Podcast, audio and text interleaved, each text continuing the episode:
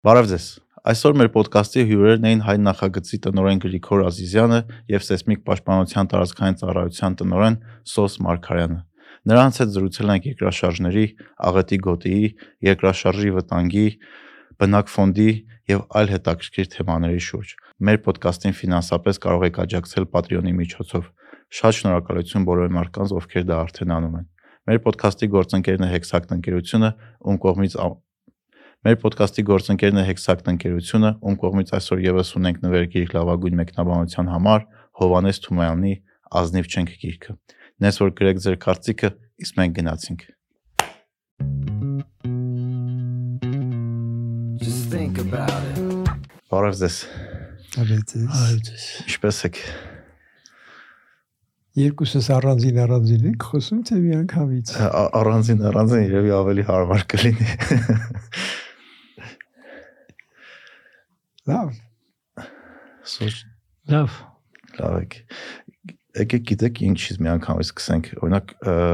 Թուրքիայի այս վերջի դեպքերը Թուրքիայի ու Սիրիայի երկրաշարժի թեման նորից ակտուալ դարձրեցին մեր հասարակությունում ու ոչ միայն ու շատ մարդիկ ում հետ զրուցում եմ իրական պատճառները երկրաշարժի չգիտեն որ խնդրեմ սոս երևի հարցը ձեզ ավված կբացատրեք երկրաշարժը ինչա ու ոնց է առաջանում ամենապարզ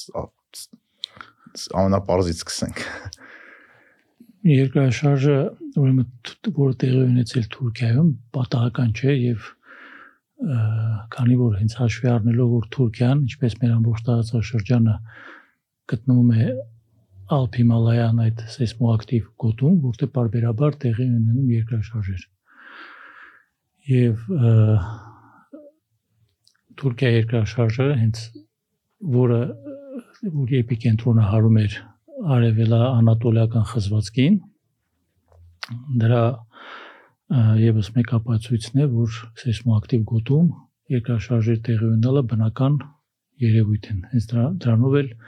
դրա համար էլ դրանք կոչվում են սեյսմոակտիվ գոտիներ ի տարբերություն ընդհանրենք ասեյսմիկ գոտիների եւ այդտեղ պատմական ժամանակահատվածում եւս տեղի է ունեցել երկրաշարժեր եւ երկրաշարժի մագնիտուդը բավական բարձր էր, մի փոքր երևի դա նաև դա էր պատճառը, որ ավելի շատ արձագանք, ավելի շատ խոճապային տրամադրություններ էր ստեղծվել նաև հարևան երկրներում։ Երկրաշարժը զգացվել էր նաև մեր մոտ, մեր մեր հանրապետությունում եւ մյուս ամբողջ տեղեկատվությունը մեր բոլոր ունկնդիրները եւ բնակչությունը արդեն ստացել է եւ զոհերի մասին եւ տեսել են տեսանյութերը եւ այլն այլն կարիք չկա դրան անդրադառնալ եւ կուզեի նշել որ Թուրքիայում այդ խզվածքից բացի կա նաեւ հյուսիս անատոլիական խզվածքը որ Սևծովին այսպես ասած Սևծովին զուգահեռ շարունակվում է բավականին երկար եւ բավականին մեծ պոտենցիալով խզվածք է դա նույնպես երկրաշարժածին ակտիվ խզվածք է եւ եւս մի անգամ մենք բոլորս պիտի հիշենք, որ ապրելով սեյսմոակտիվ գոտում պետք է պատրաստ լինենք երկրաշարժի։ խզվածք որ ասում եք այդ այդ ինչա նշանակում Երկրաշարժն ու խզվածք հենց ակտիվ խզվածքի մասին է, խոսքը հենց ասում են երկրաշարժածին խզվածք, այսինքն այդ երբ որ ասում ենք էպիկենտրոն, մեր շատերը մեծ մասը կետ են պատկերացնում, որ մենք քարտեզի վրա տեսնում ենք, բայց այդ այն կետն է, որտեղից սկսվում է այդ պատրումը, երկրակեղևի պատրումը, եւ դա կարող է տեղի ունենալ կիլոմետրերով հա եւ շատ հաճախ խզվածքները դուրս են գալիս նաեւ մակերես որ եղավ նույնպես Թուրքիա երկրաշարժի դեպքում եւ դա ամենավտանգավոր դեպքերից մեկն է արդեն երկրաշ ինժեներային սեյսմոլոգիայի համար երբ որ խզվածքը դուրս է գալիս մակերես այդ նկարները որ տեսնում եք երբ որ sense պատրվում է այո այո բայց դուք պատկերացեք որ այդ խզվածքը 10 էպիկենտրոնային խորությունը ինչքան որ այդ տեղից միջև մակերես այդ պատրումը տեղի է ունեցել, որպեսզի հասկանալի լինի երկրաշարժի հզորությունը, ընդհանրապես բնության հզորությունը։ Հա, իսկ ինչի է ինչ որ զոնաներ աշխարհում սեյսմիկ ակտիվ, իսկ ինչ որ զոնաներ ոչ։ դա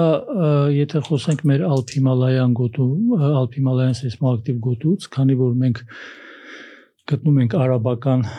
սալի եւ եվրասիական սալի արանքում մեր տարածաշրջանը, որտեղ արաբական սալը դեպի հյուսիս, հյուսիս արևմուտք շարժում է ինչ որ արագությամբ 18-ից 20 ը,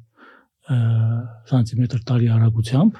պատկերացրեցիք Ահա։ իսկ եվրասիական սալը շարժվելով դեպի հարավ հարավ-արևելք, աստորեն պատնեշի դեր է կատարում։ Մի կողմից հյուսիս, հյուսիս արևմուտք, մյուս կողմից հակառակ ուղությամբ։ Եվ այդ ամբողջ տարածաշրջանը կոչվում է բախման գոտի, կոլիզիայի գոտի, եւ այդտեղից էլ այդ կൂട്ടակում են այդ լարվածությունները եւ ժամանակ առ ժամանակ արտահայտվում են երկրաշարժի տեսքով։ Մենք նման գոտում ենք գտնում Մենք նման գոտում ենք ապրում։ ու մենք դա միշտ դիմացել ենք։ Մեր բոլոր մայրաքաղաքները գրեթե երկրաշարժից, պատմական երկրաշարժերի, պատմական ժամանակահատվածում երկրաշարժերից ավերվել են։ Իսկ Երևանին հնարավոր է տենց ապագա սպասվում է։ Երևանը ինքը գտնվում է այդ նույն գոտում, Ահա։ այս պայն որպեսի մեր սիրելի քաղաքացիներին խոճապի չմատնեն, այս պայն մենք նախադրյալներ չունենք, բայց սեյսմիկ վտանգի քարտեզը հա- այդ բոլոր վտանգները հաշվի առնել եւ Երևանը այսօր 9 բալանոց գոտում է, այսինքն շենք շինությունների կառուցելու համար պիտի հաշվի առնեն այդ վտանգի մակարդակը։ Գրիգոր ջան, երևի հաջորդ հարցը ձեզ տամ, իսկ դա հաշվի առնվում է, թե չէ։ բնականաբար եթե անդրադառնանք այս երկրաշարժից մի քիչ հետ գնանք սպիտակի երկրաշարժին որ տեղի ունեցել մոտ 35 տարի առաջ 88 թվին ապա այնտեղ տեղի ունեցավ հենց տենց 9 բալանոց 9-ից 10 բալանոց երկրաշարժ եթե մենք խոսում ենք բալերով իսկ եթե մագնիտուդայով ենք խոսում ապա 7 մագնիտուդա 7-7.1 տարբեր գնահատականներով իսկ այստեղ տեղ ունեցավ 7.8 եւ 7.6 մագնիտուդա Թուրքիայից երկրաշարժը այսինքն մենք գրեթե նույն պայմաններում ենք գտնվում դա շատ ծանր բաներ են իհարկե մենք հաշվարկներում դրանից հետո սեյսմիկ նորմերը փոխվեցին մեր Հայաստանի Հանրապետության եւ ը, 94 թվականից, այսինքն 89 թվականից այս կողմ մենք արդեն այլ նորմերով ենք։ Հիմնականում Հայաստանի գնահատվում է որպես ը, ը, 9 բալանոց զոնա։ Հա, Տարբեր տարբեր նյուանսներով։ հասկացա։ Իսկ օրինակ եթե այսօր քաղաքի ընդհանուր ճարտարապետական պատկերը հասկանալու համար մենք տեսնում ենք լիքը շենքեր կան, որ 5 հարկանի են, բայց այսօր դարել են 7 հարկանի։ Մենք տեսնում ենք շենքերի բակերի բակերը, որտեղ բ- ա, պետքա բակելներ, որտեղ մարդիկ խաղանային, այդ վերցրվել է շենքի հայաթուն նոր շենք է կառուցվել։ Նման բաները ինչ վտանգներ է բերելու։ Ը, Գուցե մի քիչ առանձնացնենք այդ երկու հարցը։ Առանձնացնենք, հա։ որպես մասնակետ դուք ավելի լավ կասեք։ Ինչ ինչ վիճակում են շենքերը, որոնք կառուցվել են մինչև 88 թվականը եւ ինչ վիճակում են 88 թվականից հետո։ Այս վերջի երկու տարում, այսինքն 88 թվականից մինչև 90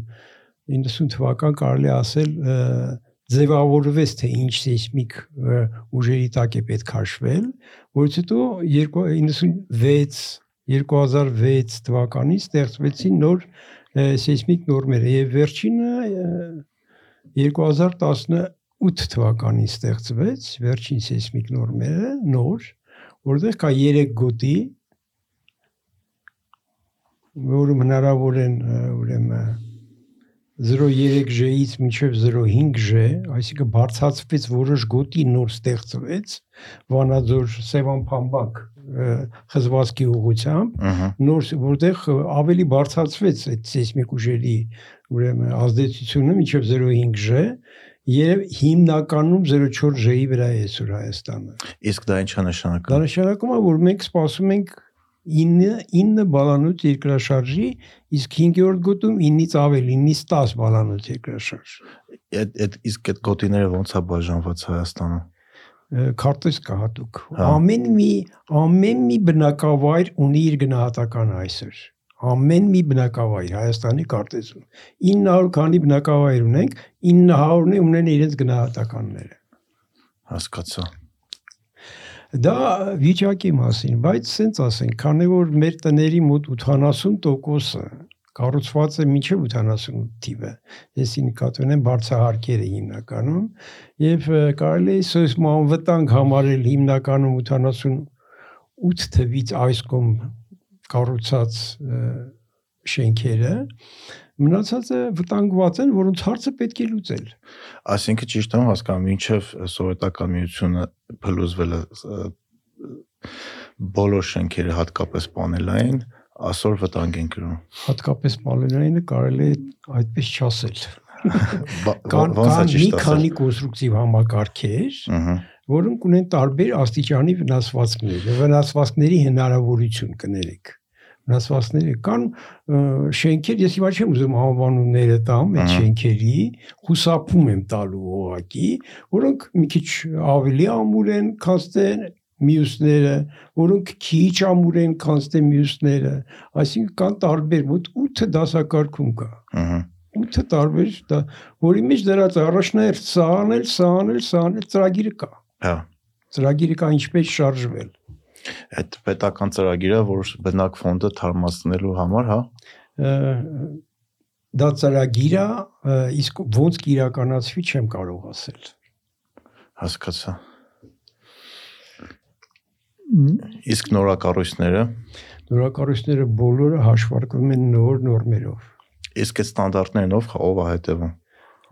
տարբեր կան եւ պետական կառույցներ, կան եւ հեղինակային հսկողություն, կա եւ տեխնիկական հսկողություն եւ սեփա սեփականատեր։ Հա։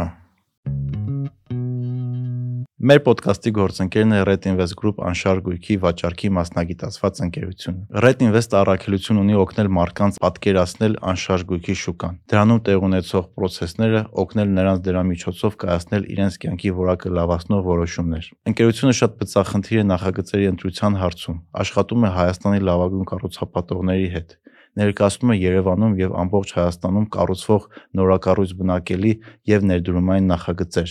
որոնք կառուցվում են ճարտարապետական եւ կոնստրուկտիվ ամենաբարձր ստանդարտներով։ Այս բային ընկերությունը ունի 14 ավարտված եւ 20-ից ավելի ընթացիկ նախագծեր, որոնց կարող եք ծանոթանալ redinvest.am կայքում կամ զանգարել 098 908 908։ Շնորհակալություն աջակցելու համար։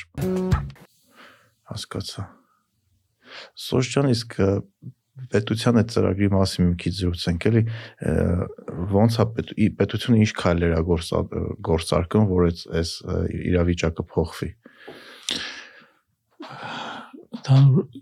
կամ դուք ինչ այստեղ էլ եւի բաժանենք, որովհետեւ քանի որ մենք ունենք մինչև 88 թվականի պատկերը, որը շենքերի մեծամասնությունն են, դա գալիս է հենց ժամանակին սեյսմիկ վտանգի սխալ գնահատականից։ հա Ժամանակին Հայաստանը բաժանված էր երկու գոտու 7 եւ 8 բալանոց։ Նոր սպիտակից հետո իրական վտանգը գնահատվեց եւ այդ բարձր ռիսկ առաջացավ շենքերի բարձր խոցելիությունից։ Այսինքն մենք ունենք շենքեր, որոնք չեն համապատասխանում իրական վտանգին։ Սեյսմիկ պաշտպանության համակարգի գլխավոր նպատակը հենց սեյսմիկ ռիսկի նվազեցումն է, քանի որ ունենք այդ պատկերը որի մեջ ներառում է մի քանի ը, քայլերի շարան։ Հարցի մյուս մասը ավելի շատ մեր քաղաքաշինության կոմիտեի ոլորտում է նոր ծրագիրը թաղամասերի հետ կապված կամ նոր շինարարության եւ այլն։ Մեր ծառայությունը տեղ ունի իր մասնակցությունը ավելի շատ վտանգի գնահատման մասով, իրական սեյսմիկ վտանգի գնահատման մասով։ Կապված ձեր հարցի հետ։ հասկացա իսկ սովետական միության ժամանակ որ այդ գնահատականները տրվել է որ օրինակ պետքա շենքեր լինեն 7-ից 8 բալ դա այդ պատճառով ասպիտակի երկրաշարժը տենց ավելի չհետևանքներ ունեցել որովհետև շենքերը սխալ գնահատականով են սարքվել Նաև այդ պատճառով որ նախագծված ա եղել 7 վտանգը հաշվարկված ա 7 բալի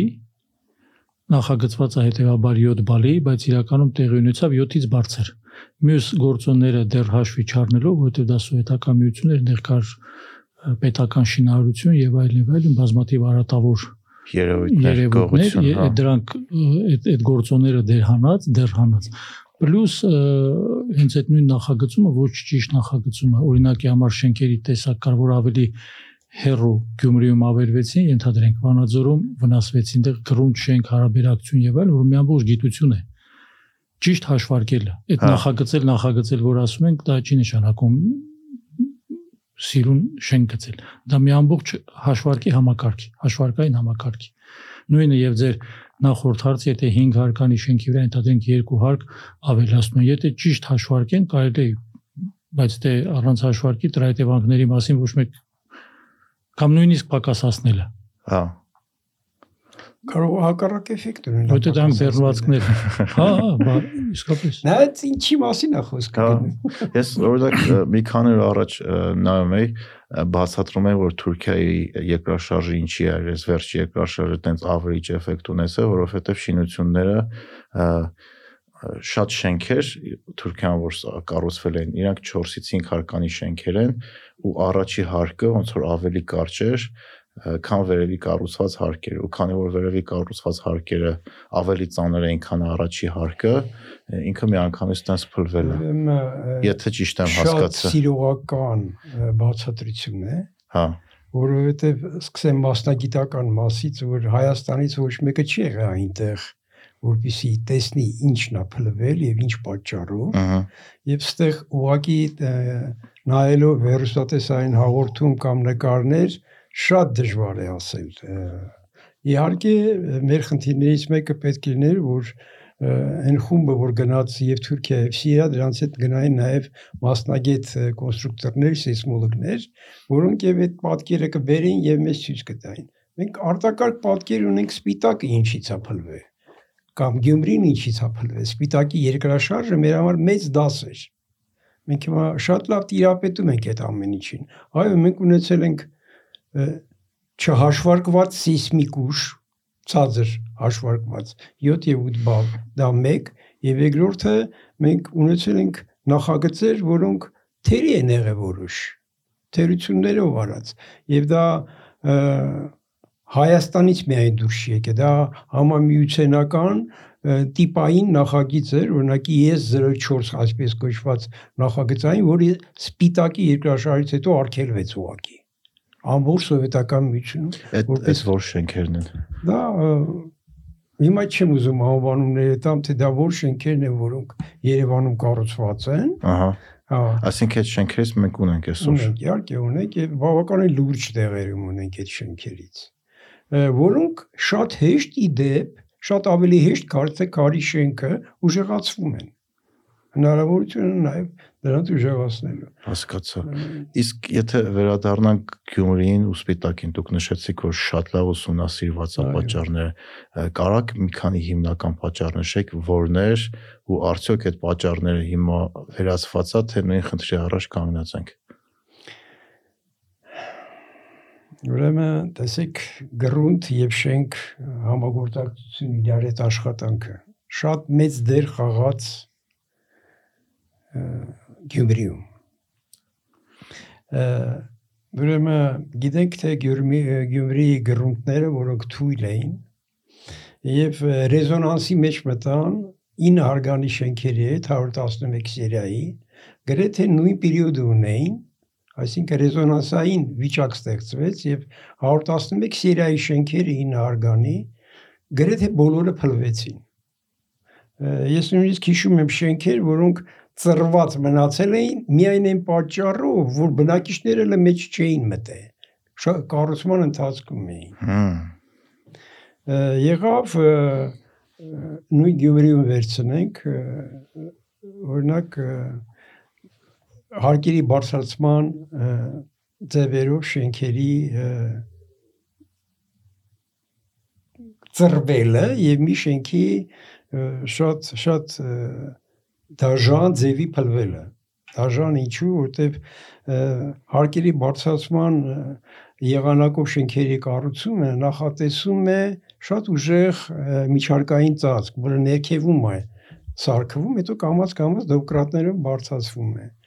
Սխալ համակարգի պատճառով, սխալ համակարգային լուծման պատճառով, ուրեմն այդ շենքերը այդ ծածկերը նստել էին իրար վրա նորից։ Դուք պատկերացնում եք, չէ՞։ Խայտարակություն։ Եվ սենց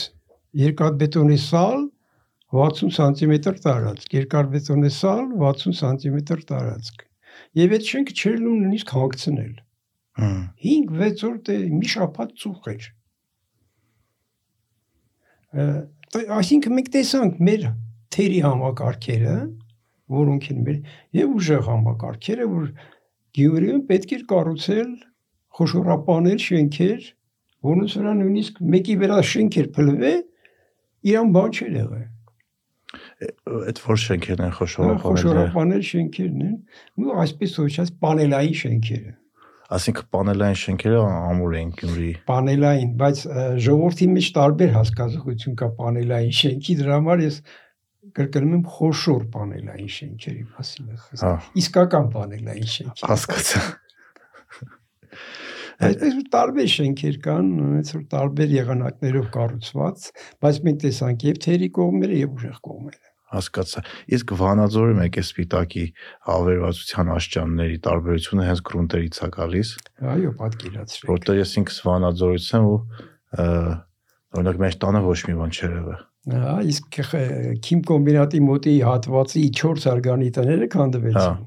մե- մերը հենց քիմ կոմբինատի մոտ էր, չհասած սեփական տերներ էր ու դիմասի շենքերն են ընդհանրապես ոչ մեկին ոչ մի բան չէր եղել։ Բայց քիմ կոմբինատի կողքի 4 արգանի շենքերը քանդվեցին։ Քանդվեցին, որը շատերը մտածում են որ պայմաններ էր։ ամուր ամուր շենքեր են։ երկրաշարժի շարժման տեսակից ինչպեսի շարժում է տեղի դեպի կողաշարժ, վարնետք, վերնետք եւ այլն բլոկների նկատմամբ ոնց են շարժվում։ Հա։ Մեր մոտ 80 թվին ոնց է շարժումը եղել։ Եղել է կողաշարժ, վար, վարնետք կողաշարժի էլեմենտով ի- համ վար, վարնետք է եղել, համ կողաշարժ։ Հա, Կոմբինացիա։ Խզված կտեսել եք Կոմբինացիա։ նկարը։ Ինչը։ Նկարը խզված Հա։ կա։ Մի- Բայց մինչև այսօր հետևանքները չեն կարողանում վերացնել։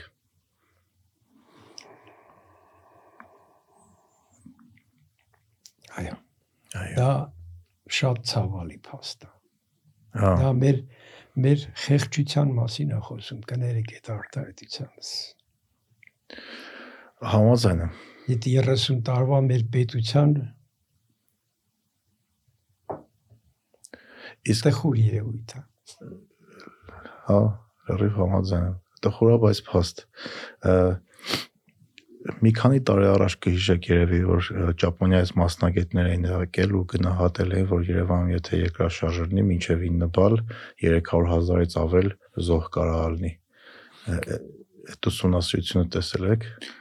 Ուսումնասիրությունը տեսել եմ, բայց դե 300.000 թիվ չկա։ Այո, ես համաձայն եմ այս դեռ երեք ամենավատարագույն սցենարի դեպքում նույնիսկ եթե Գառնիի խզվածքը իր ողջ պոտենցիալով գիշերը աշխատի, դեռ 300.000 թիվ պարզապես չկա։ Իսկ այդ թիվը որտեղից է գալի նորությունները շատ տարբեր։ օգտագործում։ Նայեք, հաշվարկները անելուց ամենատարբեր մոտեցումներն են օգտագործում։ Բայց կրկին 300.000 թիվ չկա։ Եվ կոնկրետ Երևանի համար սեյսմիկ ռիսկը վատարագույն դեպքում ամենավատ սցենարի դեպքում 140 140 հազարի կարգի է զոհերի թիվը ընդհանուր։ Եվ ես մի բան էլ կուզեմ նշել, եթե հաշվի առնենք մեր սպիտակը, այդ մագնիտուդի դեպքում այդքան զոհ ունեցանք Թուրքիան մի ամբողջ մագնիտուդ տարբերություն գրեթե տվեց, որը երկրաշարժի դեպքում մի մագնիտուդը բավական մեծ Մեծ մեծ է մեծ էֆեկտը, որովհետեւ դե կարգով է փոխում, անջատվող էներգիան մի ամբողջ կարգով փոխվում է 10 անգամ եւ այլն։ Պաշտոնական թվերին որ հետևենք, մի կողմից հենց Մարաշա միլ- միլիոնանոց քաղաք է, չէ՞։ Ահա։ ու լուսադեմին երկրաշարժը եղավ։ Դե մարդիկ տանն էին։ Մարտիկ տանն են հիմնականում։ Դրա համար դրա համար ը, ամենը պիտի հաշվի առնել։ Հիմա ես համոզված եմ, որ այդ մեթոդոլոգիաներում, որովհետև տենց ռիսկի ու կորուստների հաշվարկման միասնական մեթոդոլոգիա չկա։ Հա։ Շատ շատ բազմաթիվ գործոններ կան, բայց ես հիմա համոզված եմ, որ ամեն դեպս այդ տարածաշրջանի համար, որ նաև մեր տարածաշրջանն է ընդգրկում, հիմա վերահաշվարկներ, փոփոխություններ կկատարվեն կորուստների հաշվարկի։ Հասկացա։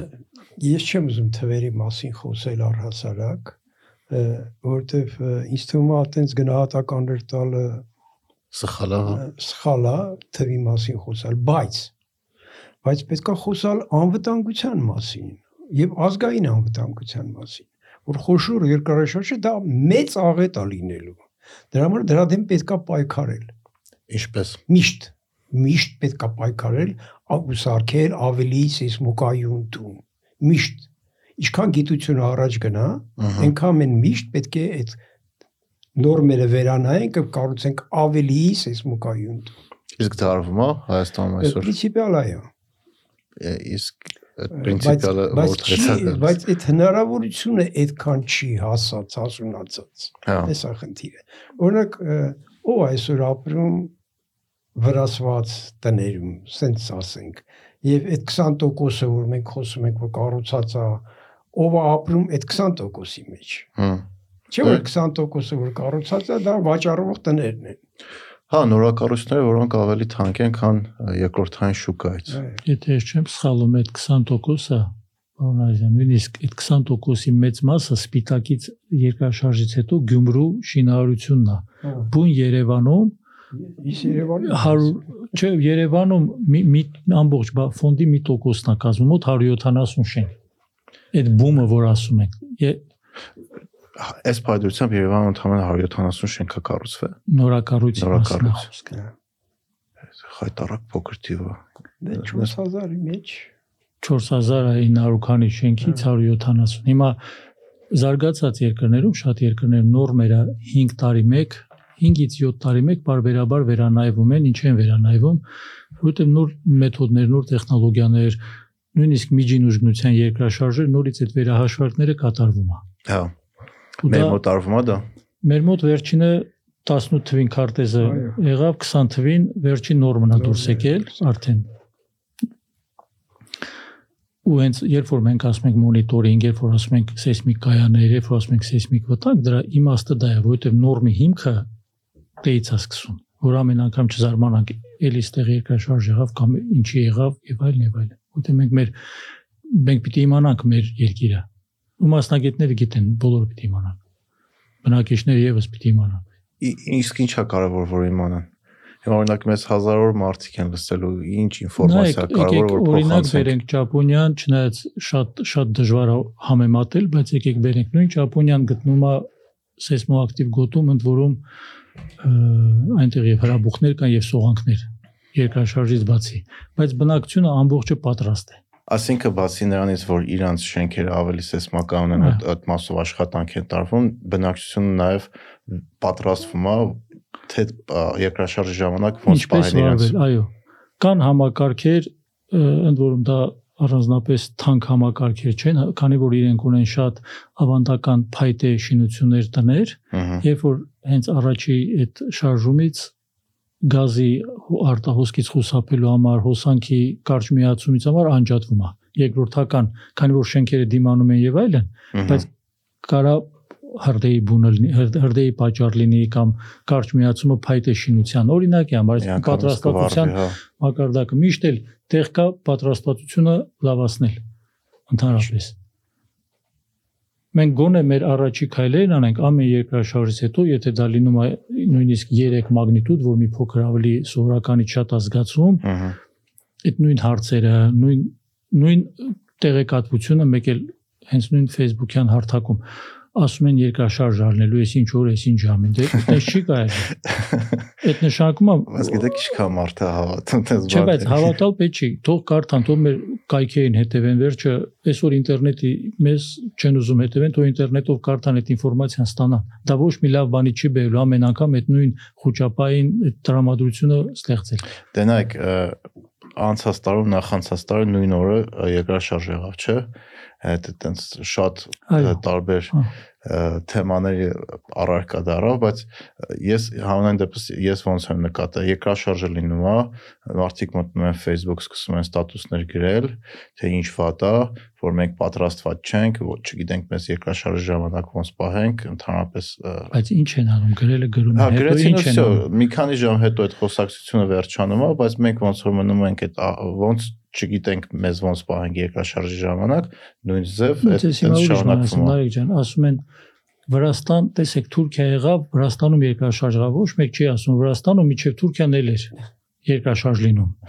Ոչ մեկ չի ասում, որ երբ որ Տաջիկստանում եղավ այդ Պամիրի հայտնի ամենաակտիվ գոտիներից այնտեղ միշտ լինում էր։ Ահա։ Միանգամից կապը բերում են Թուրքիա եղավ Վրաստան, ընդ որում ինչ եղավ 3 մագնիտուդ, 3 ու չեմ ամ 4 մագնիտուդ, որ ընդհանրապես սովորական ջո արտառոց բան չի։ Հա։ Այդ ամբողջը գալիս է չիմանալուց, որովհետև ինձ թվում է դա մենակ երկրաշարժին չի վերաբերում, շատ-շատ շատ-շատ երևույթներ են մեր կյանքում այդ վերաբերմունք։ Երևի չիմանալուց է նաև որ մարդիկ առանց ոչ մի կանոն պահպանելու իրանց տան հիմնական պատերը քանդում են կամ մի հարկ ավելացնում են։ Բայց ախր օքեյ, Էլի լավ։ էլի չիմանալուց է, որ մի հասարակությունը կամ հարևանը չի ասում, այդ ինչ ես անում, չէ որ չէ որ հանկարծ վատամարդ կդառնա, բայց հետո հարևանը կզարմանա։ չի ասում դու դու գլխի չես ընկնում, չգիտես, բայց ախր պետություն պետքա գոյություն ունենա, որ այդ ամեն ինչին հետևի։ Պետությունը ոնց կարա բոլոր հատիկ հատիկ ամեն ինչին հասարակությունը հասարակ ավելի շատ իմ կարծիքով հասարակության գործն է։ Պետությունը միջև հետևի մի հոգուն ինչքան ժամանակ կանցնի։ Դե բայց պետքա համակարգեր լինեն, չէ՞ որ հանկարծ Երևանի շենքերի գլխին մի հարկ է չավելանա։ Այդ այդ է հորերևը, այդ է տան պատը չի։ Այո։ հասարակությունը իսկապես պատրաստ չի մեր մոտ ցավոք սրտի։ Պատրաստ չի բողոքելու, որ հարևանը սխալ բան է անում, պատրաստ չի շատ շատ քայլերի, որը պահանջում է ընդհանուր համակեցությունը։ Շատ Հա։ ավելի շատ իրանց մասին են մտածում ամեն մեկը, քան թե հարևանի։ Դա դա ցավոք սրտի մեր թույլ կողմերից մեկն է։ Այսինքն, բայց եթե հասարակական առումով անայինք, շատ-շատ թերություններ ունենք, բայց թերություններ կա, որ կատաստրոֆիկ վտանգի կարա բերի։ Ոնց որ դուք նշեցիք ազգային անվտանգության հարցը։ Եթե մենք չենք պատրաստվում այս հարցերին, եթե մենք չենք հետևում ամեն մեկս մեր հերթին պետությունների իր հերթին, կարա երկրաշարժը երկիր կործանի։ Օրինակներ ունենք, այդքանը հեռու չի ես ծնված չեմ եղել, բայց դրանից մի քանի ամիս հետո ծնվել եմ։ Բոլորն էլ մեր մի քիչ մեծ ծնունդներն էլ բոլորը հիշում են։ Բայց միաժամանակ մեր շենքերը այլանդակում ենք կներեք այդպես արտահայտության համար։ Փաստա, ցավոք սրտի։ Իսկ եթե մի քիչ ավելի կառուցողական նենք, այդ սովետական միությունից հետո մնացած շենքերը, որ այսօր մեր բնակ ֆոնդի մեծ մասն է, որը հասկացանք 90%-ից ավել է։ Այդքան չկա մի քիչ-քիչ։ 90% 70% լավ, Ետ- 7 Շենքերը ավելի քիչ, հա, շենքերը։ Լավ, 70, 80։ 70-80%, ասինքն փաստացի Հայ- Հայաստանի բնակչության 70-80%-ը շատ մեծ ռիսկի մեջ է, եթե պատերազմ լինի։ Հա, ասում եմ պատերազմ, երկրաշարժ լինի։ Հա, բայց տենց միասնական պետք չի նայել, որ դե տենց երկրաշարժ չի լինի, որ ամբողջ Հայաստանի միանգամից վնասի Դե- այդ տեսակետից նայ։ Այդ այդ լավ է։ Այսինքն, սենց վերցնենք, Երևանը գրեթե 40%-ն է Հայաստանի, Հա, եւ ը, այդ 40%-ի էլ գցենք թե 70%-ը կամ 60%-ը վտանգված են։ Վտանգված են, ապրում են վատ շենքերում, գցենք թե վատ կառույցներում։ Դե մենք դրա մասին պետք է խոսենք, բայց դրան ձևեր կա իհարկե։ Կմանրամասնենք։ կա։ Այսօր վերջերս ավելի շուտ բավականին շատ խոս, խոսվում է Աչափնյակի մասին։ Հա, որտեղ այնտեղ վթարային շենքեր կան։ Այո։ Ը, 2007 թվականին մենք մեր ընկերությունը կատարել է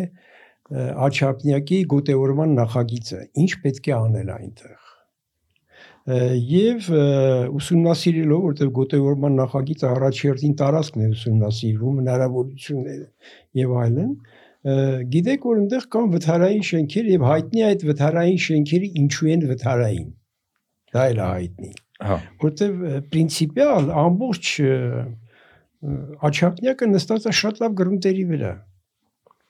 բայց նրանք խորն են մի քիչ հա, մոտավորապես 6-7 մետրի վրա են եւ կառուցելով ավելի ցածրահարկ շենք 4 հարկանի ցածր ֆունդամենտներով իրանք չէին հասնում այդ բազալտներին եւ ավիացած այդ բաներում էին ը, գրուտների վրա էին դրում որի պատճառով եւ այդ վթարները սկսվեց կոմունիկացիաների ջրհոսերից հիմա մենք առաջարկ արեցինք այդ նույն աչափնյակում նոր մոտեցում, այսինքն քանդել շենքերը ցածրահարկ 4 հարգանի, 4-5 հարգանի, 3 հատ շենք քանդել, դրա տեղը կառուցել կառուցել երկու հատ բարձրահարկ շենք։ Ես տեխնոլոգիան եմ ասում ինչ անել։ Այդ բնակիչներին այդ 3 շենքի միաժամանակ վարձով ապրեն, մինչև այս երկու շենքը պատրաստ կլինի, իրancs կտեղավորեն եւ այնտեղ կունենան այնց այնց մոդել է պետք ընտրել, որ ունենա նաեւ ազատ տարածքներ։ վաճառքի համար, Այո, որ եկամտաբերել։ այո։ Եվ երկրորդ շենքը պլյուս որը կառուցվում է արդեն այն մյուս շենքերը 3 շենքը գցենք թե քանդելու տեղավորելու միանգամից այստեղ եւ այնտեղ արդեն 3 հատ այլ տիպի շենք կառուցելու այսինքն դա պահանջում է որ աչափնյակը այդ տեսանկյունից արվի գլխավոր հատակագից որպես որպեսի նշվի հերթականությունը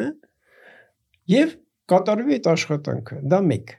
մի տարբերակ ինձ թվում է այդ աշխատանքը արդեն սկսել են ինչ որ չափով սկսում Մի քանի հատ նախագիծը ներկայացվել էր աճապնյակի հետ կապված, եթե չեմ այդ սխալվում։ մոտեցումը չէ, դա ելը որ Այդ ունեցած հա։ թիթիզ նախագծեր Ա- Համաձայն։ Հա, Բայց խոսքը գնում է նաև ամբողջ տիպարային, որտեղ մեր շենքերի եթե չհաշվենք կենտրոնը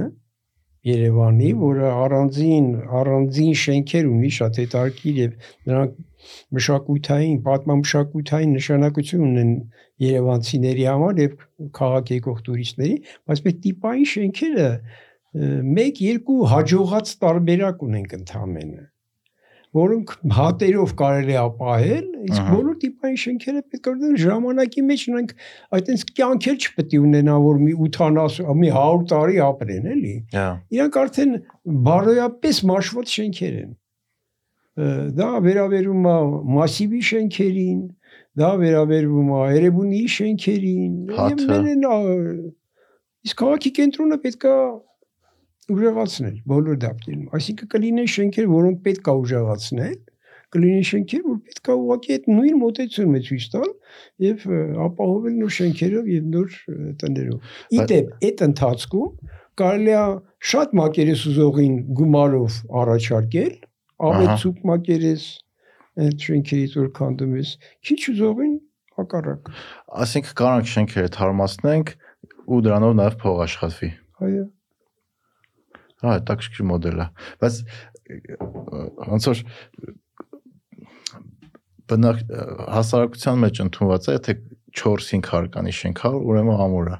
Որ դու ասում ես, «Բեր քո 4-5 հարկանի շենքը քանդենք, տեղը մեծ բարձր հարկ սարքենք, մարկանց մեծամասնությունը դեմ է դրան»։ Ինձ թվում է արդեն անցել է այդ ժամանակը, Հա, միանշանակ։ Քաղաքի կենտրոնը ուրիշ գաղափար ունի իր մեջ։ Քաղաքի կենտրոնը ուրիշ, բայց 4-5 հարգանի շենքը, Չերեմուշկայի շենքը, Աչափնյակի մասիվի շենքերը իրենցից արժեք չեն ներկայացնում ոչ ամրության տեսանկյունից, Ոչ չէ ոչ ճարտարապետության։ իր ճարտարապետության տեսանկյունից։ Դա ասինքն տիպային շենքեր եղել, կառուցել են մարկանց բնակեցրել են սովետականության ժամանակ։ խնդիր էր լուծվում, այդ խնդիրը լուծեցի։ Հա։ Հիմա ուրիշ խնդիր Հիմա ունենք։ պետք է ուրիշ խնդիր լուծել։ Իսկ այդ խնդիրը ոնց պետքա ձևակերպենք։ Ոնց է ճիշտ ձևակերպել այդ խնդիրը, օրինակ այն մարդիկ, որ մեզ լսում են, վաղն է պահանջեն իրանց, չգիտեմ, այն մարդիկ, որ պատասխանատու են դրա համար։ ուղղությամբ գնալը ուրեմն դրա մասին շատ է խոսվել ճարտարապետների պալատում, անչափ շատ է խոսվել, ոնց մոտենալ, ինչպես անել։ Շատ լավ ծրագրեր կար աղետի գոտու վերականգնման հետ կապված։ բայց տեսեք, անցել է 35 տարի, մենք այս վերջերս նորից թեթև սկսեցինք խոսալ աղետի գոտու մասին։ Որ այնտեղ հələ հələ խնդիրներ կան, դեռ խնդիրներ կան աղետի գոտում լուծելու։ Այսօր պետք է աղետի գոտի համարել Հայաստանը այդ տեսանկյունից։ Հա։ Որտեւ եթե Երևանում ինչ որ մի բան լինի, եթե խոշոր քաղաքներում նորից ինչ որ մի բան լինի, դա կլինի աղետ։ Ուրեմն մենք պետք է շատ լուրջ ը, որտեւ այսօր ցավոք սրտի այդ գումարները չկան, որ կարողանաս տիպային տնից ազատել մարդկանց, հանես ու տանես նոր տուն նվիրես, հնարավոր չի ուղակի։ Դրա վրա պետքա բիզնես անել ուղակի։ էկոնոմիկան էլ է փոխվել։ Դրա վրա պետքա բիզնես անել եւ այդ բիզնեսը պետք է աշխատի։ Հիմա դա հենց իրենց սեփականությունն էլ է բնակիչների, քաղաքացիների։ Ու իրանք են որոշում ինչ անեն այդ տան հետ։ Բայց ախր կա հանրային շահ, չէ՞։ Չկա, Դա բայց կիրառվի։ Հա։ Միանշանակ։ Այսինքն այդ ամեն ինչը պետք է արագացնենք, որովհետև չգիտենք վաղ, վաղը ինչ ալնելու այդ մասով։ հարցը իմ կարծիքով նույնիսկ վաղը ինչ ա Մոգերը կասեն երբ ալնելու երկաշար։ էլի տեսեք, էլի դուք մոգերի հույսը մոգերի վրա։ Բայց ստե հարցը, եթե դա վաղ թե ուշ ամեն շենք իր տարիք ունի, իր կյանք ունի։ Այդ հարցը մի օր պիտի լուծվի։ Բայց ախր ինքը այնքան ծանր դժվար հարց է, որ անընդհատ հետ ենք գցում։ Դե վերջում կուտակվելու է ավելի ծանրանա, ավելի դժվարնա, մի օր պիտի լուծվի, թե չէ։ Դե Իդեպ մեզ պետք չի վախենալ բարձրահարկ շենքեր կառուցելուց։ կբացատրեք ինչի։ Օրինակ շատ է մեր մեջ մտած, որ բարձրահարկ շենքը վատ է։ Դες գաղափար չկա։ Օրինակ Եկել է չէ՞ միտես։ ը, գիտեք ինչ, դա իհարկե նախագծումից է կախված։ Նախագծումը կարևոր նշանակություն ունի, ճիշտ նախագծում, հա։ Բայց ը, բարձրահարկ շենքը եթե ճիշտ գրունտերի, ճիշտ պայմաններում դրված է, նա շատ ավելի լավ սեյսմոկայուն է, եթե ճիշտ է հաշվարկած, քան թե մեր 4 արգանի քարի շենքը, նույնիսկ 3 արգանի քարի շենքը։ Նույնիսկ 3 արգանի քարի շենքը։ Հա։ Նու նույնը տաճապնյակում հիմա մի քանի հատ նորակառույց են սարքում, ընկերներից մեկը ընդեղ առավ ու իրանց դեմն է հենց նոր շենք են կառուցում, որ ես նայում եմ ինչքան խորն են գնում հիմքը, այդ այդ արդեն ոնց որ մի քիչ վստահություն ա տալի։ Չէ, վստահություն դրա մեջ չի, գիտեք ինչի մեջ է։ Իհարկե ամուր հիմքի վրա պետքա դնել։ Հա։ Վստահությունը, որ բարձրակ շինքը այ տեսեք մենք մի բան շեշտեցինք գյուղերի հետ համեմատություն տվեցինք ռեզոնանսի վերաբերյալ, Ահա։ որտեղ ռեզոնանս է տեղի ունեցել։ ը, այս դեպքում բարձրահարկ շենքը դուրս է գալի այն ռեզոնանսների մասից առհասարակ դուրս է գալի, որտեղ իր ճկունությունը 1 վայրկյանից անցնում է իր պերիոդի ճկունության։ Երբ որ գրունտը դրանից ավել պերիոդ չունի, որպիսի ռեզոնանսի մեջ մտնի հետը։ Մինչև 06, 07 Հայաստանում ը, մինչև 06 03-ից 06 այդ այդ պերիոդներն են տատանման։ Հասկացա, որ խնդրեմ մի քիչ Բարձրահարկը 1 ու 2 1 ու 2 1 1 ու 2 վայրկյանը Ահա։ դա արդեն իրան բան է տալի հնարավորություն դիմակայելու էլի ավելի լավ հասկացա։ Իսկ մեր լսողների համար ով չգիտե ռեզոնանսը ինչա ու ոնց է աշխատում, որ խնդրեմ կմանրամասնեք։ Ռեզոնանսի ամենալավ օրինակը, երբ որ զինվորականներին արգելում են կամուրջի վրա շարային քայլել, ինչի որ ռեզոնանս չլինի, այսինքն այդ սիգնալը չկրկնապատվի, երապատվի, ուժեղանա Հա։ ճոճը։ Այսինքն այդ երբ որ ասում են ռեզոնանսը դա է։ Լոնդոն են հայտնի պատմությունը որ քանդվեց։ դե այդպես պատմություններ պատմություն չասեմ բայց շատերն են զգացել օրինակ որ ցենց ճկուն բանի վրայով գնում ենք հանգարցակի երկու հոգով ենք գնում նա շատ ավելի սկսում տատանվել Հա։ ըստ որ դու մենակ ես գնում Հա, միանշանակ։ Ու եւ այդ տատանում քեզ միանգամից բանան հետաքրքիր է գիտեք ինչն է, երբ որ մի քանի հոգով եք քայլում, երկու կամ ավել, որոշ ժամանակ հետո քայլ քայլի տեմպը այդ ռեզոնանսը սկսում է համընկնի ձեր։ Ես է, ուրիշ օրինակ բերեմ, քանի որ երիտասարդները շատ են դուք ասեցիք, երբ որ մեքենաները խաչմերուկում կանգնած են, թարթի չեն միացրած, Հա, ցախ մտնելու։ մեկ էլ մի պերիոդ է գալիս, որ երկու թարտիչ իրար հետ աշխատում են եւ նորից այդ հաճախականությունները փոխվում է երբ որ երկու թարտիչ մութ ժամանակ իրար հետ են աշխատում, ավելի լուսավորվում է, Հա, ուժեղանում է։ Նույնն է այդ ռեզոնանսի էլի մի բան։ է։ Հա, Կարան ուշադիր լինեն ավելի լավ պատկերացնելու համար։ հասկացա։ Իսկ եթե օրինակ այդ այդ ձեր առաջարկած առաջի տարբերակը չեղավ, որ բիզնեսը հետ չհետաքրքրվեց կամ հանրային շատ չտանաչեցին այդ թաղամասերը, որ արդեն տխուր վիճակում են, ինչ որ ձև հնարավոր է շենքերը ամրացնել։ Եթե մարդիկ հրաժարվեցին, բիզնեսն է հրաժարվեց այդ գլխացավի մեջ մտնի։ իհարկե հնարավոր է, բայց շատ դա շատ ավելի թանկ է այսօր այդ տիպի շենքերը ուժեղացնելը ավելի թանկ է եւ ձեռնտու չէ արժի մոտարապես 80%-ը նորի կառուցման ուժեղացում է բայց դու ուժեղացնում ես ինչ դու ստանում ես մի հատ բունկեր մի հատ վատ շենք իր վատ վատ բաները մեջը մնացած բայց արդեն ուժեղացված տարբերակով 4 արգանի ինչի Հա։ անիմաստ է լրիվ այսօր միայն կային հատուկ տարբերակներ որտեղ միայն թեթև եւ դա պետքա ըստ երևույթին ոչ թե բնակելի տներին վերաբերվի այլ որոշ պետական կառույցներին եւ դա մի անգամ միանշանակ ասեմ հիվանդանոցներին օրինակի համար մենք ունենք այսօր 9 հարկանի հիվանդանոցներ որոնք թույլ կառուցվածք ունեն ցենց ասեմ թեթև Հա։ չնշեն կանոնները հա որոնց ուժեղացումը շատ ավելի դյուրին է քան թե 4 արգանի քարի շենքի Ահա։ եւ դրանք խոշոր են դրանք կարելի է ասենց թև արթև ուժեղացնելով գնալ դա ձե- ձև ունի ուժեղացման Սեյսմազինվածության բարձրացում։ Այո։ Սեյսմազինվածության մենք բարձրացում։ կոչում ենք դա սեյսմազինվածության տերմինը բարձրացում Էլի հիմնված է հաշվարկի վրա, էլի ծախսերի վրա, այսինքն այդ ամբողջ հաշվարկը պիտի արվի, թույլ տեղերը բարձեն, ինչից կարա լինի եւ լուծումներ տան։ Հասկացա։ Իսկ օրինակ Երևանում թաղամասեր կան, որ ճանապարհներով քշելուց տեսնում ես, որ գրունտը արդեն ասֆալտը sense մեծ փոսեր ա եղնում։ Գրունտը փախնում է։ Ոնց է դա ճիշտ ասել։ Սողանքներ, հա։ Դա լոկալ երևի այդ դա։ Երե- եթե Երևանի մասին է դա Չէ, անորակություն օրինակ բանը Բանգլադեշում եմ տենց բան շատ նկատել, որ փոսեր են հայտնվում։ Ոչ միայն ասֆալտում, այլ հայացքներում։ դե այդ լոկալ լոկալ էֆեկտներն է, այդ շենքերի երբ որ հիմք են փորում, այդ այդ սահմանները անցնում են։ Դե ժամանակին կոյուղի է եղել Կոյուղի, ստերեոյթին։ Ջուրը լվանում տանում, հա։ Իտեց բանը։ Որտեւ այդ դրա մասին էլ են մարդիկ խոսում, ես պատկերացում չունեմ ինչից է ալնում։ Ա, Մի հատ է լեգենդ կա, որի մասին կուզեի ձեր հետ զրուցեմ, նու կիսա լեգենդ, կիսա ճշմարտություն, ասում են Երևանում սեսմականությունը շատ վատ է, որովհետեւ Երևանի տակով մեծ գետ է հոսում։ Էլի մոգերն են ասում։ Չէ, սոր, սորական մարդիկ։ Ես այդ նես տարբեր մարդկանցից եմ լսել, որ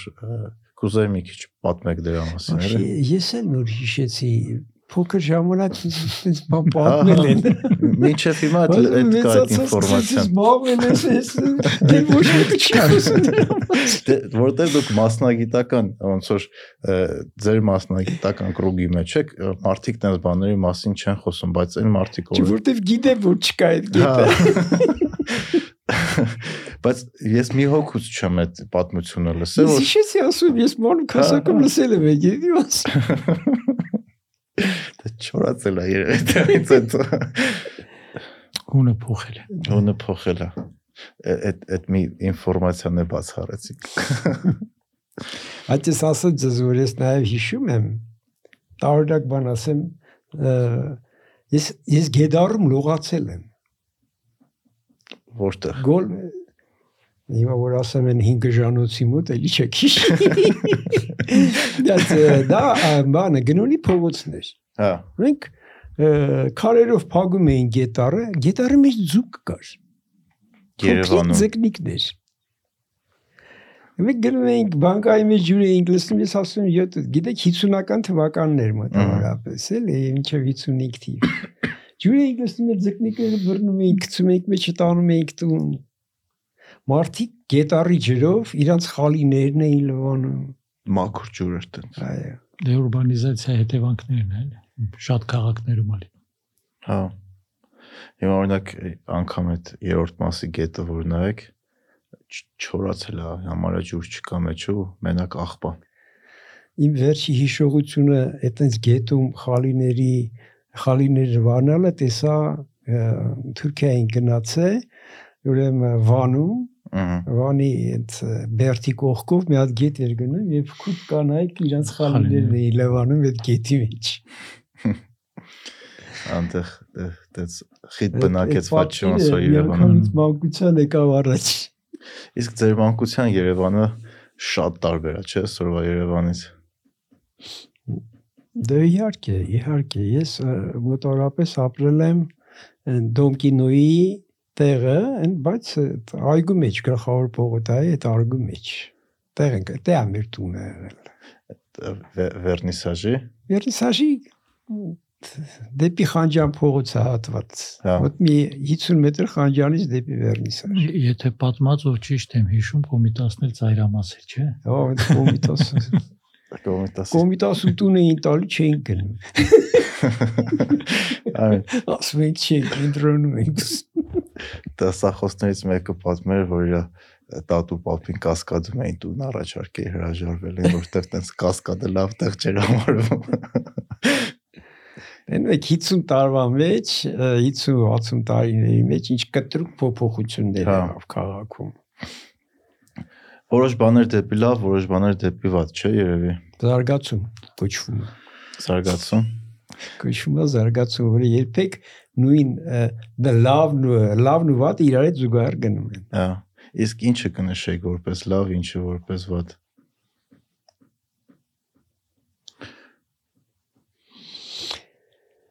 Ահա, տարօրինակ բան եմ ասել։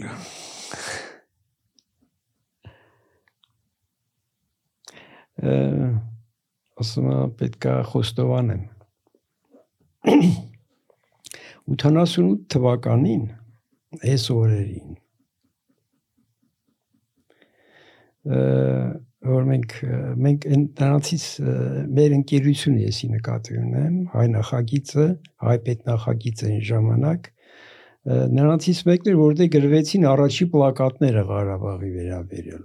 Հա։ փետրվարի 20-ին 12 պլակատից մենք հաշվեցինք հրապարակում օպերայի 6-ը մեր կողմից գրած պլակատներն էին Ճարտարապետները սիրուն սարքել էին։ Հա, եւ այդ այդ պերիոդի այդ ողջավորությունը եւ այլն որ եղավ եւ հանկարծակի արդեն չեմ հիշում որ ամիսներ եւ որ ժամանակն է երկրաշարժից հետո իհարկե ինձ թվում է խոսք գնաց անկախության մասին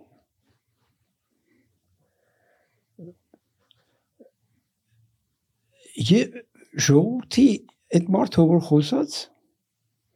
հարթակից հանեցին, իջացրեցին, ասին թող գնա, դու իրանք չունես խոսալու։ Վտանգավոր բաներ ես ասում։ Չէ, ախպախպաներ ես խոսում, ուղղակի զավակում։ Եվ այլն, եւ այլն, Պարոն Հարիկյանի մասին է խոսքը։ Ուղղակի վրա իջացրեցին ներքև։ Հա։ Հետո եկավ Գիկաչեպեի պերիոդը, երբ որ ես առաջին անգամ հասկացա, որ այս պետությունից պետքա դուրս գալ։ Որտեվ այն ինչ որ կատարեց Գիկաչեպեի ժամանակ, այն նու Ղարաբաղ արդեն արդեն Ղարաբաղը մեր մեջ կար, արդեն էփում էր ու Գիկաչեպեն եւ առաջի անգամ իմ մտքով եւ մեծամասնության մտքով անցավ եւ եղավ քվեարկություն երկու ամիս հետո։ Եվ ժողովրդի 90%-ը ասաց անկախություն ենք ուզում։ Այ այդ իմ համար ամենակարևոր բանն էր, ասեմ ցես։ Հա։ Այ այդ էր իմ համար ամենակարևոր բանը։ Որտեվ մի տարվա մեջ ես մի մարդուց դառա ուրիշ մարդ, որը ասում էր, չէ, մեզ կուտեն սախ, եթե մենք բան չանենք։ Բայց հետո ես ինքս ուզեցի անկախություն։ Բայց ո՞նց այդ տրանսֆորմացիան։ Դե եղավ, այդ այդ ընթացքը, այդ մի տարվա ընթացքը ցույց տվեց այդ տրանսֆորմացիա։ Գեկաչեպեն էլ խթանի չէր էլի։ Գեկաչեպեն ահավոր խթանի չէ։ Ես դպրոցական էի, ես Այս եմ երկրում չի կարելի ապրել։ Հա։ Այս երկրում դուք չգիտեք այդ Գեկաչեպը ինչ է։ Հա։ Այն Խթանի չէր, որ Չի դա կարելի ապրել։ անբնական երևույթ էր։ Պետքա դուրս գալ այս Հա։ երկրից։ իսկ այն լսողները որ չգիտի դրա մասին կպատմեք ինչ էր։ Դա սարսափ էր։ Դա խմող, խմած մարդկանց հավաքածու էր, որոնք թելադրում էին ինչ պետք է անել։ Հմ։ Հերոստացույցով նստած դողում էին ձեռքերը, բայց թելադրում էին։ Որտեվ տենց էին ասա։ Հա։ Այդ տեսակետից այս Երևանը փոխվել է։ Մեր Երևանը գեղեցիկ քաղաք է, եթե մենք Երևանին ասին ենք խոսում։ Իսկապես գեղեցիկ է։ Իսկապես գեղեցիկ քաղաք ունենք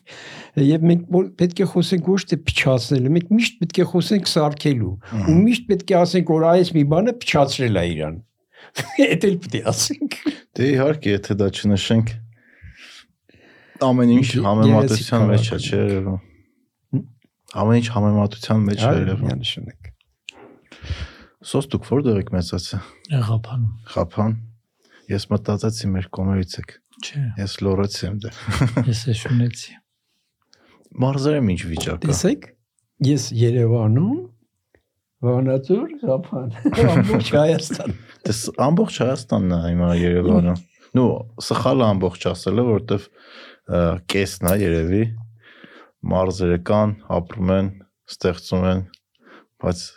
շատ անգամ մոռանում ենք մարզերի մասին ստեղծած։ շատ հանրաբեռնված է, ես մի քանի օր առաջ նկատեցի, որ ժամը 6-ի կողմերը պիտի դեպի Ղափան գնայի, Հա։ որ ինչքան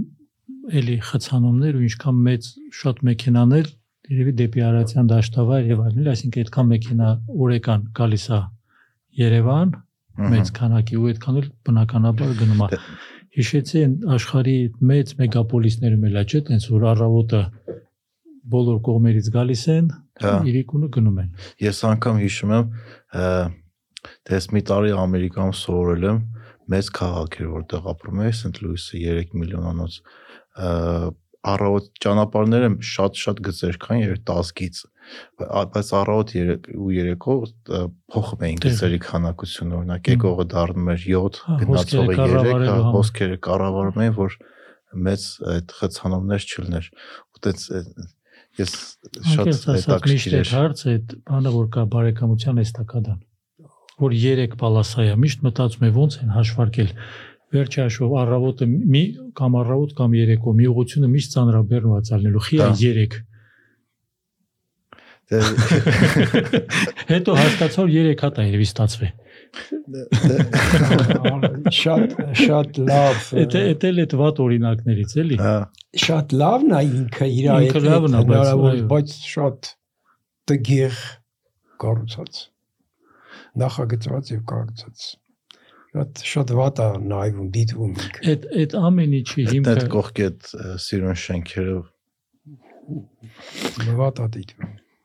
ու ու շատ շատ հիմա կամած կամած անցնում ենք արդեն մի քիչ հեռանում ենք, բայց շատ դեպքերում հենց սխալ հաշվարկներ օրինակ, ա, որ նոր ճանապարհների այդ հատման տեղերի եւ այլն Մհմ։ սարքված միշտ խցանումներ ա լինում, որովհետեւ հաշվարկները ճիշտ չի արված։ հա Մեծ մեծ փողոցը կապնում է փոքր փողոցին եւ այլն էլի կար ժամանակին աշխարհի լավագույն փորձեր կա, կարելի է ուսումնասիրել ու ընդհանրապես գոնե ուսումնասիրել նոր անել։ Մեր մոտ շատ կա այդ երևույթ։ Նույն Ավետիսյան փողոցը, որ հիմա գալիս է Նորքի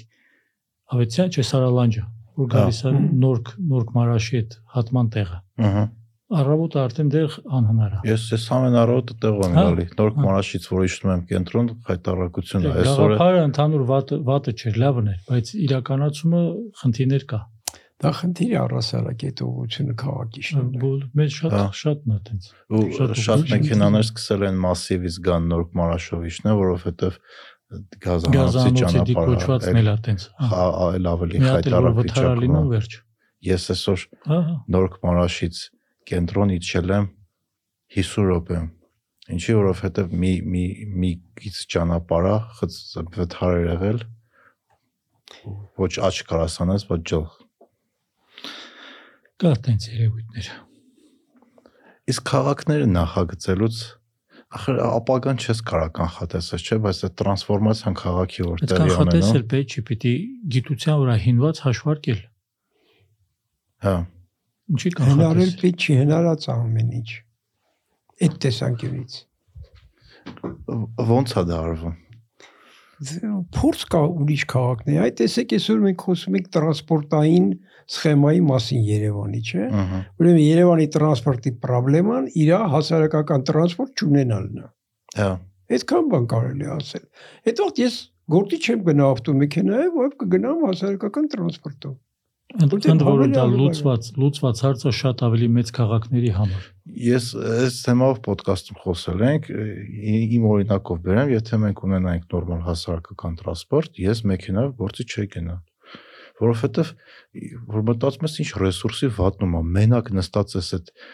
մեծ մեքենայի մեջ կամ լավ մեծ չի այդքան կամ փոթեկուս փոքր մեքենայի մեջ, որը 5 հոգու համար նախատեսված է կամ 7 հոգու համար, մենակ նստած ես ու տես բոլոր մեքենաների համար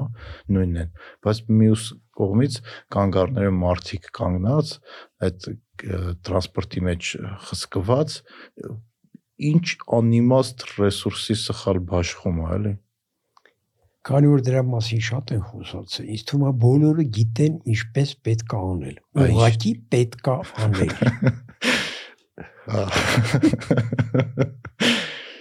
Բայց չեն գանում։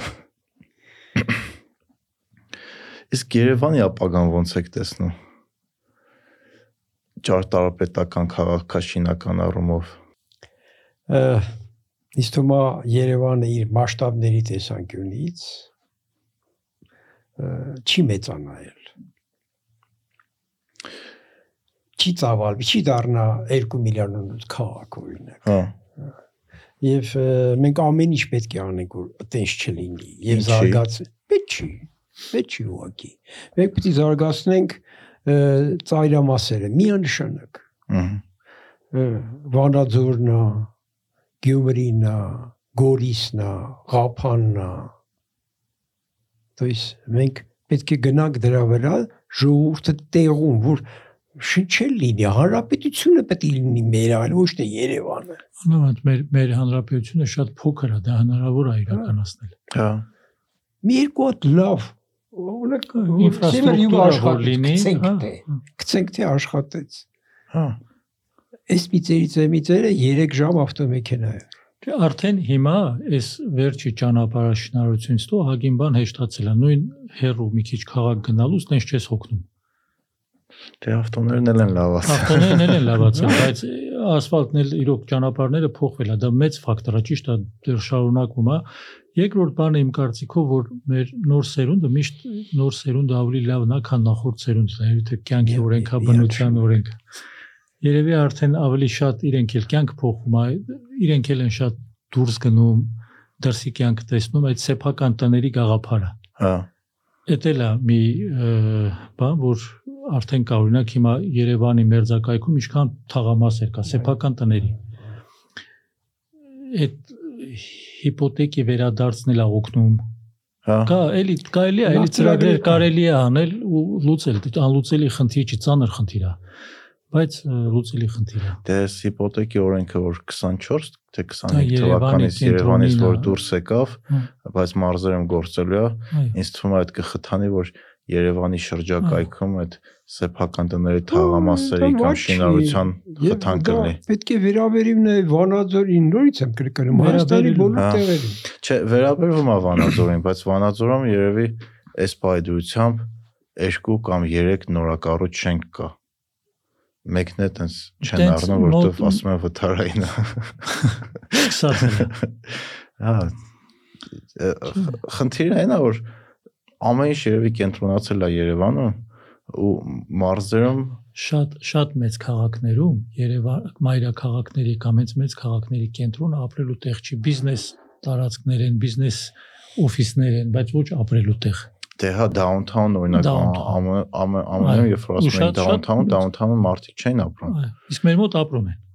Դե մեր մոտ ընդունված է չէ դե հիմա կգանք դրանք որովհետեւ դա համար եմ ասում նույն սերունդը արդեն մեծանում է տեսնում է գնում է շփվում է հասկանում է որ քաղաքի կենտրոնը այդքան էլ ապրելու տեղ չի որովհետեւ աղմուկը շատ է փոշին շատ է ծանրաբեռնվածությունը շատ է եւ այլն Դե եթե Երևանը օրինակով նայեք, Երևանում ամենակեղտոտոթը կենտրոնում է։ դա որովհետեւ կենտրոնացած ամեն ինչն է մենակ մեքենաների արտանետումը երևի թե հերիք է Հմ։ Դե անընդհատ որտեվ խցանումները, շինարարությունը, Շինարարություն, փոշիակ եղծա։ այո։ Այսինքն Երևանի ապագան տեսնում եք մարզերի զարգացմամբ։ Չէ, ոչ միայն մարզերի, այս նույն իր այդ Երևանը արվարձանների ինչի։ Հա։ Հա, պետք է ապրենք ամբողջ Հայաստանում մեկ, ասենց ասեմ։ Հետաքրքիր է որ բոլոր զարգացած երկրները, հիմնական բոլորը եվրոպական, եթե հատկապես վերցնենք, անկամ փոքր երկրներում կան շատ քաղաքներ ու նաև զարգացած գյուղեր, օրինակ ես Իտալիայի օրինակով կհամբերեմ, համարյա լրիվ Իտալիայով մեքենայով քշել եմ ու երևի 20-ից 30 քաղաքում եմ եղել ընտիր քաղաքներ են, մեծ քաղաքներ են, մարդիկ այնտեղ ծնվում են, այնտեղ ապրում են, այնտեղ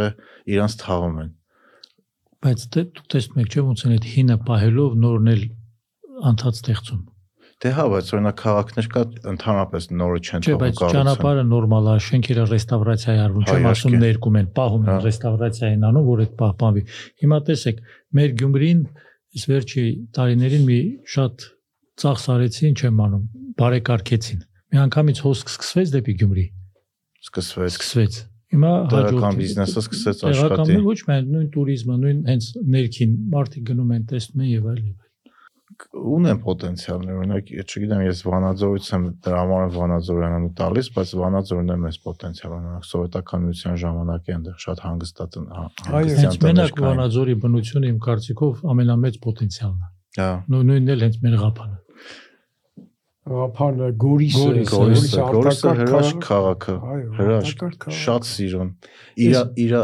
ձեռագրով։. Вообще ձեռագիր ունի երկու քաղաք, ասեմ ձե 3։ Նույն Երեք։ Երևանը չհաշված։ Ղափանը, Գորիսը ու Գյումրին։ Հա։ Տեսակ։ Վանաձորով բան չեմ ասել, դա Ղափանը սովետական շատ քաղաք։ է։ հետարքիր կառուցված կարված 70-ական թվականներին։ Շատ հետարքիր է դիտարկվում։ Էտել է էլի ասում եմ գիտությունն է, ճարտարապետ է աշխատել։ Հա, հա, շատ շատ հետարքիր է արած Ղափանը։ Հիմա նայեք, միշտ Սովորելու բաներ կա էլի։ Հա։ մեկ էլ միշտ ինքս ինձ մտածում եմ, միշտ ասում են Դիլիջան, Դիլիջան, Դիլիջան, Իջևանը քիչ։ Բայց իրար կպած քաղաքներ են, չէ՞։ Ահա։ ոնց որ թե մի քանի պանսիոնատ, սանատորիա Դիլիջանում կար, բայց այս վերջ տարիներին պարզեց որ Իջևանն էլ է հագին հետաքրիր տեղ։ Ու այդ դեռ մի փոքր մեր երկրում։ Հա։ Չէ, բայց դա է խնդիրը։ Բայց իսկապես շատ հետարքիր տեղեր ունենք։ Այսինքն երկրաշարժի թեմայից եկանք հասանք նրան, որ ինչքան սիրուն տեղեր ունենք ու իրական ինչքան կարևոր է այդ ամեն ինչը պահպանել։ Է իրար հետ շատ փոխկապակցված է։ Իհարկե։ Իջևան, Դիլիջան, Գյումրի, Զարմացած եմ ծաղկազորի վրա այդ ինչ բարձրահարկ շենքեր են ընդ կառուցում։ ինչ առումով եք զարմացած։ կարելի է ծաղկազորում 12 հարգանի շենք կառուցել։ Դες շենք են կառուցում, չեմ Հա։ այդտեսը։ Հա։ Ինչ հանգստյան տուներ է, չէ։ Չգիտեմ ինչ է, հետարքիր չի իսկ ինչը։ Հա։ Ծաղկազորը ո՞նց կարելի է այդպես բարձրահարկ ու ասում են մի քանի հատ է արդեն իրար հետևից բարձրանում։ Դե պահանջված տեղ է դարել, մարդիկ գնում են հանգստանալու, երևի ներ- ներ- ներդրման համար մարդիկ նայում են դրան։ Բայց նոր տեղեր են առաջ գալի։ Այս վերջերս Սաբորանի մոտ նոր Գառնալիժնի կուրորտ եմ։ են բացել։ Ոնց էր անունը։ Մայլեր։ Մայլեր։ Հա։ Ես էլ եմ տեսել եմ բանը։ Բայց ոնց որ թե Արագածի լանջին չի, այլ աչկոմ վրա։ Այո, հա։ Հա, լսել եմ։ հա։ Էլի ձնա շատ տեղա, անցած շաբաթ ընկերս գնացել էր, շատ էր գովում, ասում եմ, շատ լավ ը, Լսել բան։ եմ, լսել։ Դահոք քշելու համար շատ հարմար տեղ է։ Շատ ուրախ ենք։ Էլի բնական զարգացման բիզնեսի լավ արտապատկերում է, էլի վերջապես մի հատ էլ ունեցանք։ Դե պետքա բան լինի, ախր մրցակցություն։ Անկապ քաղաքների մեջ, գյուղերի մեջ,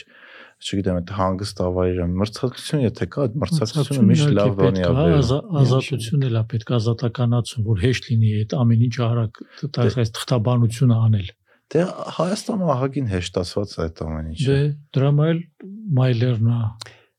Եվ դա պետք է հնարավոր լինի, որ հասու լինի նրան, ով ունի գումար եւ հնարավորություն, բայց ոչ ոչ կոռուպցիայի միջոցով, ասենց ասեմ։ Հա, Ոչ կոռուպցիայի միջոցով, որ դու իմ բարեկամն ես, արիարը։ Հա։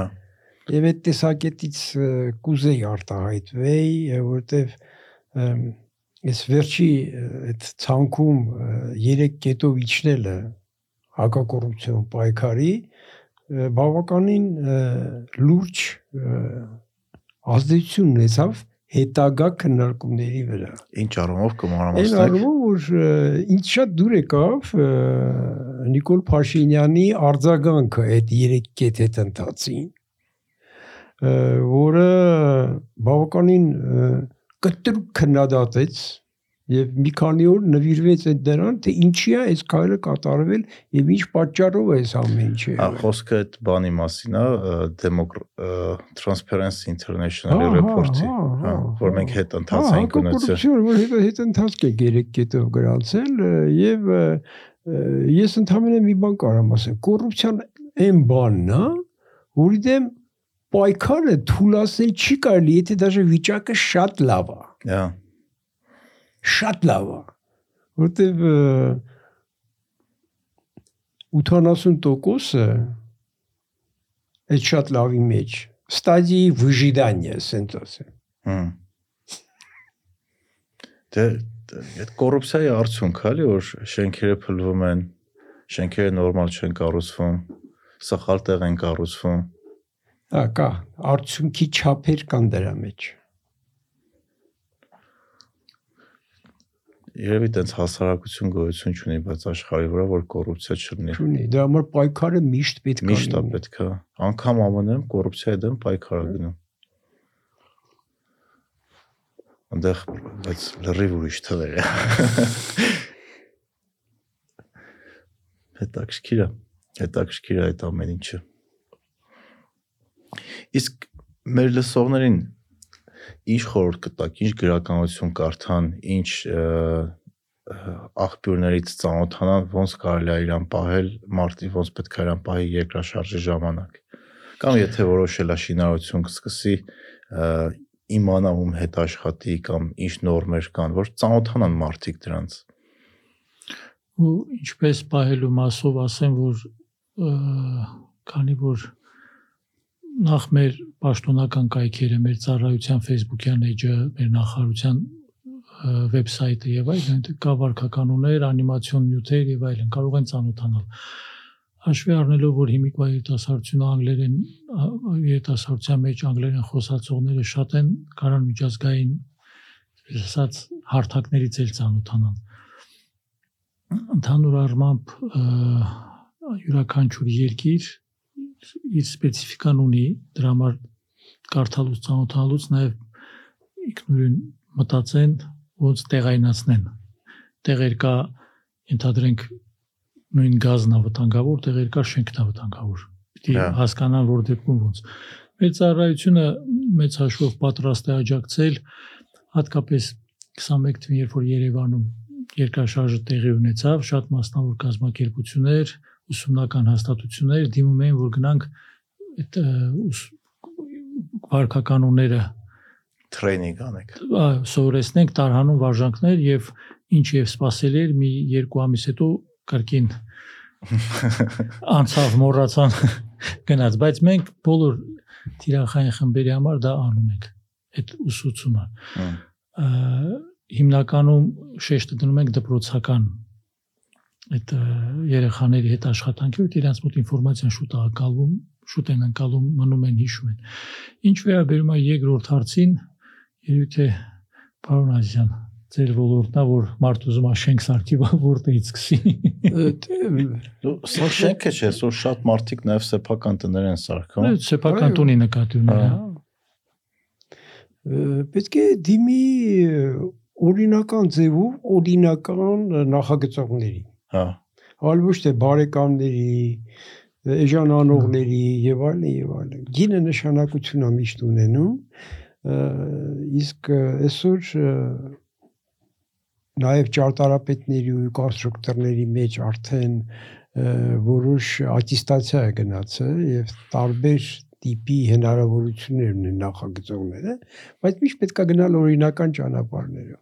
Ա որտեղ ես լիքը դեպքեր եմ լսել, գնացել են ինչ-որ ծանոթի մոտ նախագծում են, հետո գնում են մի հատ կազմակերպություն են գտնում, որ պեչատ ունի, դրանով պեչատում են ու գնում սարքում են։ Դուք դուք ասում եք նախագծում են դա վերաբերում այն Գիտեք սիրուն որտեղ մաս, Հա, ճարտարապետությանը, բայց կա կոնստրուկտիվ մաս, հաշվարկի մաս։ 16 հարգանի շենքերել են նախագծում, ասեմ իմանալ։ խայտարակություն։ Դա դա իսկապես այսինքն այսինքն օգտագործվում է մեկ ուրիշի լիցենզիան, Հա, այսինքն վաճառվում է լիցենզիայի իրավունքը, էլի։ Փող են տալի վաճառ, ակա այդ այ դա է կոռուպցիան։ Պիտոմ անմարտկային, ես կասեի։ հին հին օրենքով տենց էր, չէ։ Հա, համու Կանգնացնում էին նախագծողին կամուրջի տակ, կամուրջը բացելուց առաջ։ հա, Չէ, հիմա էլ կա բանը, այդ բան կոչվում է shaking table, որ շենքը մի հատ ինչ բալի համար նախագծված է, մի հատ բոլոր կառ- կառուցողները մտցնում են շենք, ով որ կառուցել է շենքը ու բան են անում, շարժում են։ Տենան իրանց շենք։ Առաջ ավելի դաշան էր։ ը, նա- Նախագծողը, եթե տունը քանդվեց, տանտերն է մենակ մեջ եղնում, մենակ նախագծողին էին սպանում։ Եթե տանտերը ու երեխեքն էին մեջ եղնում, սա ընտանիքին էին կախում։ Էլի էլի ծայրայ ծայրայղություն Ա, գնացին։ Բայց ես ես իմ հետ չի տեղավորվում էլ այդ փաստը, որ դու ունես լիցենզիա, ինչ որ մեկը ինչ որ շատ վատ որակի նախագծում անում ու դու քո անունը դնում ես այդ նախագծի վրա։ Դա էլ է, կներեք, դա էլ Ինքը է։ չի իմանում որ վատ է անում։ Ինքը ուղղակի չի իմանում։ դիմում։ է։ Ընդ որում դա դա էլ է մենտալիտետի հարցը, որովհետև կա չէ, որ ընդհանրենք բիզնեսը տարիներ շարունակ անուն ունի, հեղինակություն ունի, իսկ մեր մոտ կարելի է չեմ ամ այսինչ ՍՊ-ն սարքել, նույն սաստավը ողել, փոխել մյուս ՍՊ-ը ու ոչ մեկ չի հետաքրքրվի, սա մի տարվա բիզնեսա, մի ամսվա բիզնեսա ինչ է կատարվում։ Այսինքն պատմություն, բիզնեսի պատմություն, բիզնես ունենալու պատմությունն էլ է շատ կարևոր։ Դե հա, բրենդեր կան դրա Այսօր վրա մենք անում են։ Ճապոնիա ասեցինք, ամենա Ճապոնիան ամենա հին բիզնես ունեցող երկրներից է, չէ՞ որ բանով սերունդներով գալիս է, Ահա։ մի քանի 100 տարի։ Աշխարհի ամենահին հյուրանոցը Ճապոնիայում չեն ծախի։ Դե բայց դրան իրանք եկել են, չէ։ Մենք էլ ենք ինձ թվում է ինչ որ տրանսֆորմացիան փուլում ենք, որ հիմա բոլորից սա կախված մենք կդառնանք Ճապոնիա, թե կդառնանք Բոլորից է կախված, բայց թե չեն կլինի թե ընդհանրապես։ որ քայլում ենք դժվար է մի քիչ ասել, որ որ բանի մակարդակի վրա ենք։ Ինձ թվում է մենք մի քիչ բանը տենց հետ ընթաց ենք ապրել կամ տենց կշարունակենք կամ պետքա սկսենք ինչ որ մի կետից աճենք։ Մենք հետ դաս ապրել ենք միանշանակ։ Գիտությունը, ճարտարապետությունը, չգիտեմ, անգամ երաժշտությունը Մենք հիմա մասնագիտական շատ ցածր շատ չասեմ լավ ցածր ուժ ունենք։ քան օրինակ Ցածր 30 մակարդակի։ տարի առաջ Հա, միանշանակ ըստ դա ինչից է գալի որ մասնագետների գնացին։ նորնը չենք կարող դեռ պատրաստել։ Նորն էլ մեծ գումարներ ա ուզում աշխատելու համար։ Որտեվ Դա շատ հետաքրքիր պատկեր է այսօր։ Շատ հետաքրքիր։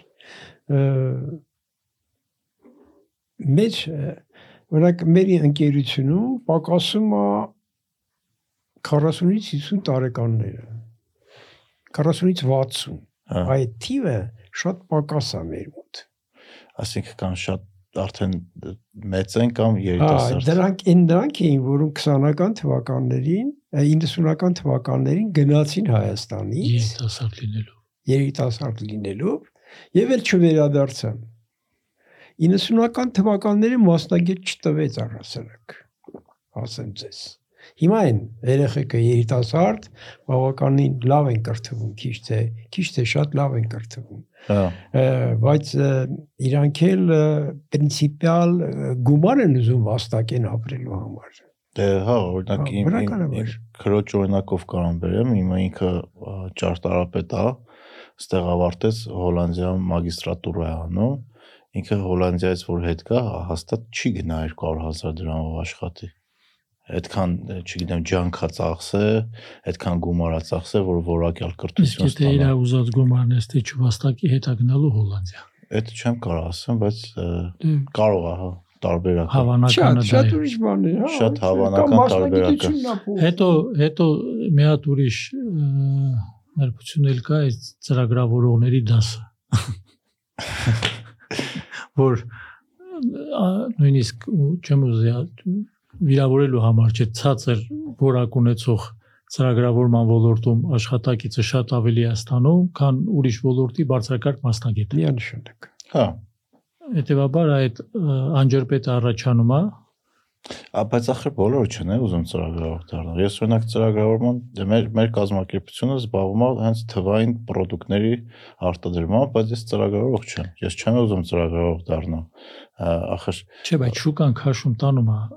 Դուք Հա, չեք ուզում, ես չեմ ուզում, բայց մեծ մասին տանում։ հա մեր մեր թիմակիցները երևի կեսից օրինակ, ավելի մ- մասնագետ մարդ կա ցամ ծրագրավորող չեն։ Դեռ լրիվ մասնագետ չի, բայց այդ ճանապարհին ա վատ չի, մեկ էլ պրոֆիլը փոխում է, գնում է ծրագրավորման ոլորտ, որ իհարկե արդեն ծրագրավորող լավ չի դառնա տարիքի եւ այլի հետ կապված, բայց այն աշխատանք, որ ինքը պիտի անի, շատ ավելի են վարձատրում, քան թե ինքը մրցակցությունը։ 60-ական թվականների ֆիզիկներ, ֆիզիկների ու լիրիկների տարիներն էին 1960-ական թվականներին որտեղ ամենասիրված մասնագիտություններ, ամենատաղանդավորները գնում էին այդ ուղղությունները։ Ֆիզիկա, հա։ Հիմա այդ նույն բանը կատարվում է ծրագրավորման հետ այս պահին, բայց դա վատ բան չի, բան երևույթ չի։ Ուղղակի լավ են աշխատում հոյակապ Հա այդ մի քանի օր առաջ հենց ընկերոջս հետ այդ թեմայով ենք խոսում, ասում եմ ոնց որ էկոնոմիկայի մեջ որ նայես ցիկլներ կա։ Օրինակ մինչև 90-ականները ը, ֆիզիկ, այդ համաշխարհային ունենք ֆիզիկներ, ընդ ինժեներներ, իրանց իրանց դարներ։ ու եւ մինչև 80 80-ականներից 2000-ականների սկիզբ ֆինանսիստներ բոլոր լավագույն Իրավաբաններ։ հա ֆինանսիստ իրավաբան Ասեմ 80-ականից մինչև 90-ականների սկիզբ նախագծողներից բարձր աշխատավարձ սովետական միությունում ոչ մեկը չէր ստանում։ հա Գարբաչովին դակլադ էին հատուկ գրել։ Երկրաբանները, երկրաբանները, այդ հանքարդյունաբերությունը, որ զարգանում Ահա, է։ ահա լուրջ լուրջ փողեր Հա, էին հա։ ստանում այդ տարիներին։ միշտ ինչ որ ոլորտներ Հա, ավելի շատ են վարձատրվում, որովհետև այդ ոլորտում փողի հոսքը ավելի շատ է։ Օրինակ, չգիտեմ, 20-րդ դարի մինչև կեսեր նավթ արդյունաբերությամբ զբաղվող համարյա անգամ այն մարդը, որ բուրավոյ ստանոկի վրա էր աշխատում, շատ մեծ գումար էին աշխատում։ Ու լիքը-լիքը տես Դե ոլորտներ կա։ արդեն կարծիքներ կան, չէ՞ որ ծրագրավորումն էլա մնալու են 10% լավագույնները։ Թե իհարկե արդեն ավտոմատացումը ավտո- լիքը բան, նոր ոլորտներ են առաջ գալիս։ մեքենաշինությունը, Հա, այո։ ոնց է օրինակ ինդուստրիալ հեղափոխությունը որ եղավ լիքը մարդիկ առանց աշխատանքի մնացին, բայց իրանց համար է սերվիս ոլորտը ստեղը, սերվիս ոլորտը եկա սկսեց աճը։ Ու անընդհատ փոփոխվում է, բայց բայց հիմա արդեն խոսակցություններ կա շատ ոնց որ ոլորտի առաջատարներ ասում են որ արդեն նոր աշխատանք շատ ավելի քիչ է ստեղծվելու, քան ավտոմատացումը կվերցնի այսինքն լիքը մարդ կմնա առանց աշխատանքի։ Այդ միշտ էլ ասում են, բուրժուական հեղափոխությունից առաջ էր։ Ճիշտ ես ասում։ Հա միշտ միշտ է ասել են։ է։ կատակա, չէ, առաջին նախադասություն, երբ որ առաջի բանը այդ պապիրոսի վրա որ կարդացին առաջին նախադասությունը ինչ էր։ Ասում այս այս սերունդը, եկող սերունդը այս երկիրը քանդել է։ Բայց դու հակառակը Չէ, հաստատեցի։ վեր կատակի համար Հա, ասում։ բայց իրականում կա տես բան։ Եթե չեմ սխալվում 3000 քանի տարվա հռոմեական հռոմում էր ոնց որ հա ֆիլիսոփաներից մեկը հենց դա գրել էր որ եկող սերունդը շատ ավելի Դե դա վատա քան մենք։ դրա համար ձեր ասած դուք ասում եք ավելի շատ ավելի քիչ աշխատատեղ ալնելու մշտական խոսակցություն է մի ոլորտ որ զարգանում է նոր կարող է այսօր մենք չգիտենք ինչի մասին բայց մի ոլորտ կբացվի ու բացերի կլրացվի։ Բայց օրինակ ձեր ոլորտում հիմա աճող մասնակիցներ կան։ Օրինակ գեոդեզիստ ընկերներս բողոքում են, որ գեոդեզիայի նոր մասնակիցներ շատ քիչ են։ Մեր Չէ, այդ օրինակ վերեցի։ Սպეციფიկ ոլորտներում Հայաստանում սպეციფიկ ոլորտներում ավելի ծանր է այդ խնդիրը։ Նայեք, գոնե հաշվապահություն, իրավաբան, ֆինանսիստ եւ այլն մասսայական։ Քիչ թե շատ։ Հա։ Պահանջարկն էլ է շատ։ Հա իսկ մեր ոլորտում բավական մեծ դժվարություններով արդեն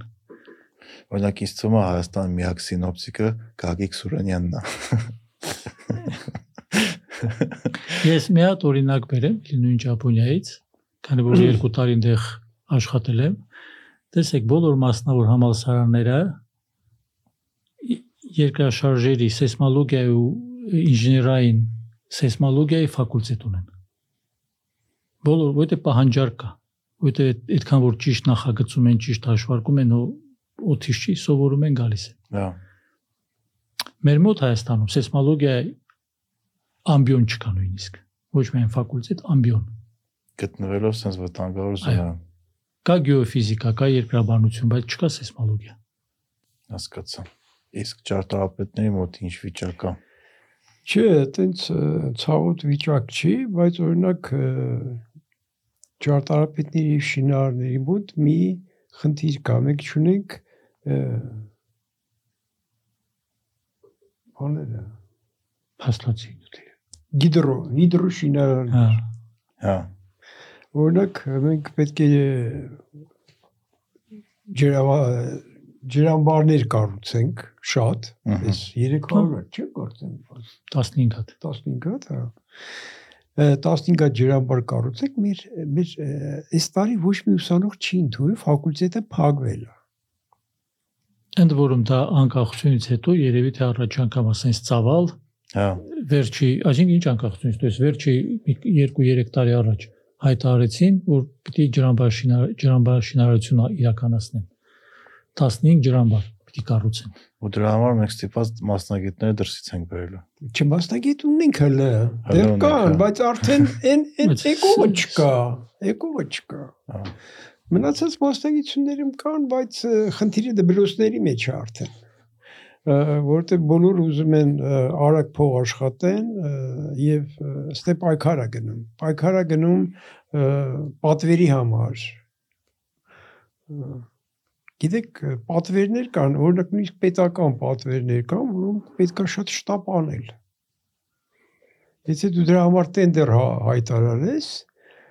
տենդերը 45 օր հետո է, Օրինակ ինչ որ ավարի է եղել։ Պետք է արագ պատվիրել մեկին, որ այդ ավարյան արագ-արագ ավարտվի։ Եթե հանգարցեք իստե երկրաշարժը լի։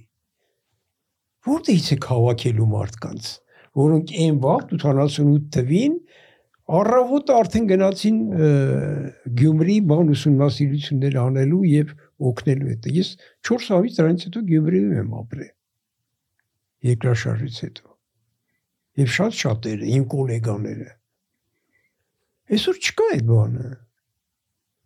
Ուրեմն ամենա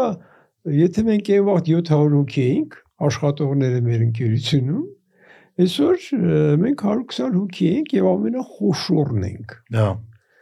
80 ը, ինժեներ նախագծող ունենք, ու ճարտարապետ ինժեներ, 80 հոգի այդպես նախագծողներ ունենք։ Երկրորդ, երրորդ տեղը չկա էլ սկի։ Մաքսիմում կարալի դապուստի 20 հոգանոց նախագծողների խումբ, 5 հոգանոց, 3 հոգանոց, 2 հոգանոց, մի հոգանոց։ Դա խումբ չի, դա ուշ չի։ Ա- Առաջինը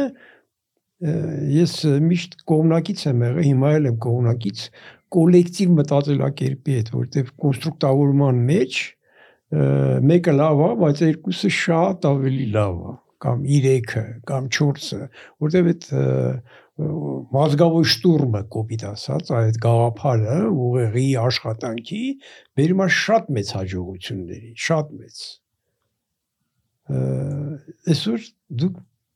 ընկերներից հետ չես կարող հավաքվես մի բան քննարկես, եթե դու առանձին ֆիրմա ունես։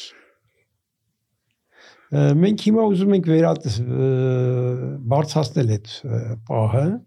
մեր մասնագիտական շրջանակներում եւ սեմինարներ ու հավաքներ անել հրավիրելով լիցենզավորված մասնագետների, որ ընդհանուր հարցերի շոշափում լինի։ Շոշափում ինչ ուղղությամբ գնալ, ոնց անել, ինչպես անել, որտեվ դա ամենակարևոր հանգամանքն է։ Հասկացա։ Իսկ ճարտարապետների միությունը Ը, Մենք այդ անում ենք ասենց ասեմ, իր թևի տակ, պալատի, ճարտարապետների պալատի թևի տակ։ հասկացա։ Մենք մեր հյուրերեն տրադիցիոն հարց ունենք ոդկասթի մեր վերջում։ Ճիշտ է, ձեր ձեր մասին շատ չզրուցեցինք, ավելի շատ մասնագիտական թեմաներ էր այսօր, բայց ո՞րն է ձեր մոտիվացիան, որ ամեն առավոտ ստիպված ես հարթնանալ ու անել այն ինչ որ անում եք, շարունակեք։ Ես կատակով կարող էի պատասխանել իհարկե թորնիկից դպրոց տանել, հա։ Բայց շա- շատ լավ պատասխան կլինի։ որ առավոտը շուտ ուտած կես հայտնվում եմ գործի տեղում։ Գիտեք, մենք մի քիչ յուրահատուկ կազմակերպություն ենք, հենց ի սկզբանե։